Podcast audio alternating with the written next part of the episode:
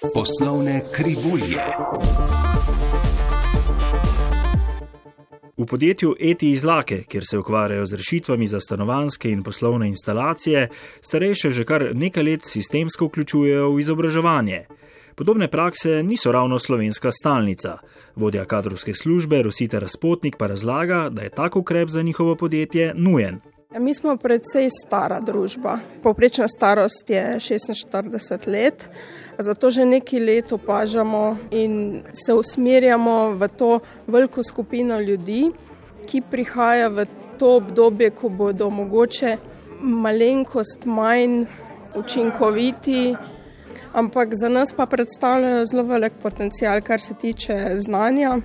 To je znanje, ki ga dejansko zdaj ne pridobimo, ali pa ne pridobijo mlajše generacije več v izobraževalnem sistemu. To znanje moramo znati prepoznati, ga prenašati na mlajše generacije in dati s tem tudi veljavo starejšim. Kako pa je vključevanje in spodbujanje starejših videti v praksi? imamo tako imenovani zdravi bonus. Za tiste, ki so pri nas 20 ali 30 let, omogočamo brezplačno enotedensko izrabo naših počitniških kapacitet. Potem imamo precej delavnic za medgeneracijsko sodelovanje, vzpodbujamo vključevanje starejših, nekako jih motiviramo, da bi ostali aktivni, ne samo do konca delovne dobe, ampak tudi potem. A posamezni dobri primeri ne smejo zamegliti realnosti, ki je nažalost zelo drugačna. Aktivnost in zainteresiranost na delovnem mestu namreč zbledita že veliko pred statistično starostjo. Podatki dnevnikove raziskave Zlata nit, kjer na letni ravni izbirajo najboljše zaposlovalce, kažejo, da se zimsko spanje na delovnem mestu poprečno začne že pri 41 letih. Poprečen zaposleni namreč pri 41 letih nima več želje po dodatnem učenju in nekako samo še čaka na upokojitev. Tudi zaposlovalci v starejše od 42 let praviloma ne vlagajo več vendar pa je po besedah predsednice sveta za kadre pri gospodarski zbornici Slovenije in hkrati direktorice kadrovskih zadev pri podjetju BSH Sonja Špoljarič zmotno prepričanje, da se tega z ukrepi ne da spremeniti. Jaz mislim, da potem, ko enkrat začnemo, potem so ljudje izredno zadovoljni. Mi smo recimo šli čez eno zelo dobro izkušnjo s to Več kot sto ljudi smo vključili v te nova znanja, digitalizacija, delo z računalnikom, komunikacija.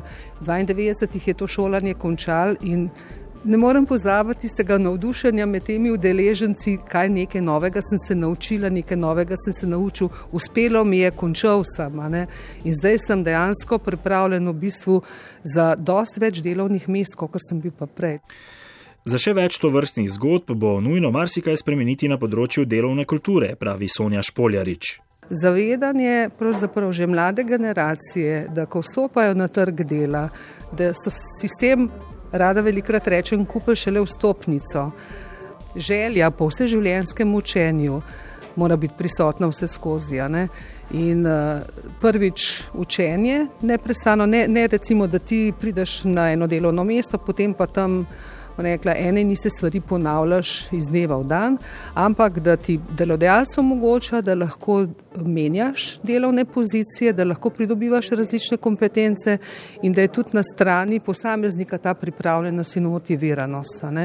In to O tem bi morali, po moje, govoriti že od vsega začetka. Ne, ne gre potem zdaj za ene ukrepe, recimo za starejše, ampak gre za ukrepe tekom celega življenjskega obdobja. Se pravi, moramo biti pripravljeni in voljni in željni učiti se, učiti in učiti, ker teorijo, ki si jo dobil na faksu, na šoli, je šele začetek.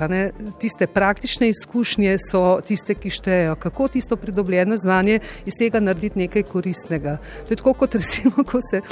Učimo kolo. Če ti nekdo reče, kolo se vozi tako, da zajahaš kolo, se usedeš na sedež, primeš balanco in poganjaš. A s tem znaš voziti kolo? Verjetno ne, ne. Osnovni predpogoj za željo po učenju in uspešno delo pa je zdravje. Pri generaciji 55 plus je to še toliko bolj pomembno, saj so starejši bolj dovzetni za poškodbe in bolezni. Profesor dr. Zvone Balantič, predstojnik katedre za inženiring poslovnih in produkcijskih sistemov na Fakulteti za organizacijske vede v Kranju, se ukvarja z ergonomijo. Mikroklima, recimo tukaj le govorimo tudi o temperaturi, relativni vlažnosti, temperaturi sevanja, o prahu, plinih, Tako da ja, specifika 55 plus pomeni recimo uporabiti določene pripomočke, vem, povečati osvetljenost prostora, morda ojačati zvok, morda se samo fokusirati na določeno frekvenčno območje. Treba je kar precej energije vlagati pravzaprav v to, da se menedžersko strukturo prepriča, da vložek v ergonomijo ni strošek, pač pa vložek. In ta vložek se bo prejslej povrnil v bolj zdravih zaposlenih in seveda v ljudeh, ki bodo svoje izkušnje še naprej vračali nazaj v podjetje. Pri podjetju BSH iz Nazari, kjer proizvajajo hišne aparate, so pri zagotavljanju zdravja zaposlenih šli še korak dlje. Sonja Špoljarič. Mi imamo tudi svojega zdravnika, ki je prisoten dvakrat na teden v ambulanti, na sami lokaciji tovarne, in potem s tem imajo pač ljudje hitrejšo možnost dostopa, posamezno vprašanje rešuje, kakšne krajše take situacije povezane z zdravstvom. In v bistvu je ta zdravnik kar dost povezan v, tudi v naše konkretne primere. Podajanje roke med zaposlovalci in starejšimi delavci v nekaterih podjetjih torej že živi tudi v praksi. Sodelovanje vseh pletenih je kot ponavadi ključ za uspešno rešitev problema, kar so izpostavili tudi na nedavni nacionalni konferenci za večjo zaposlenost generacije 55.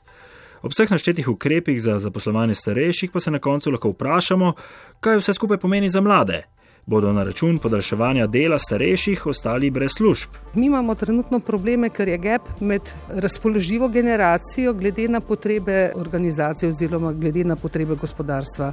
Mislim, da se moramo pripraviti. Se lahko potem zbalansiramo te ukrepe spet nazaj, če, če bomo ugotovili, da mladi ne dobijo primernih delovnih mest. Mislim, da mora biti v bistvu pač te stvari uravnotežene, glede na to, koliko mladih prihaja iz šol na trg delovne sile, jim omogočiti pripravništvo, jim omogočiti vajeništvo, jim omogočiti vse oblike praktičnih izkušenj, da potem vidijo, v bistvu, katera delovna sredina je za njih najbolj primerna.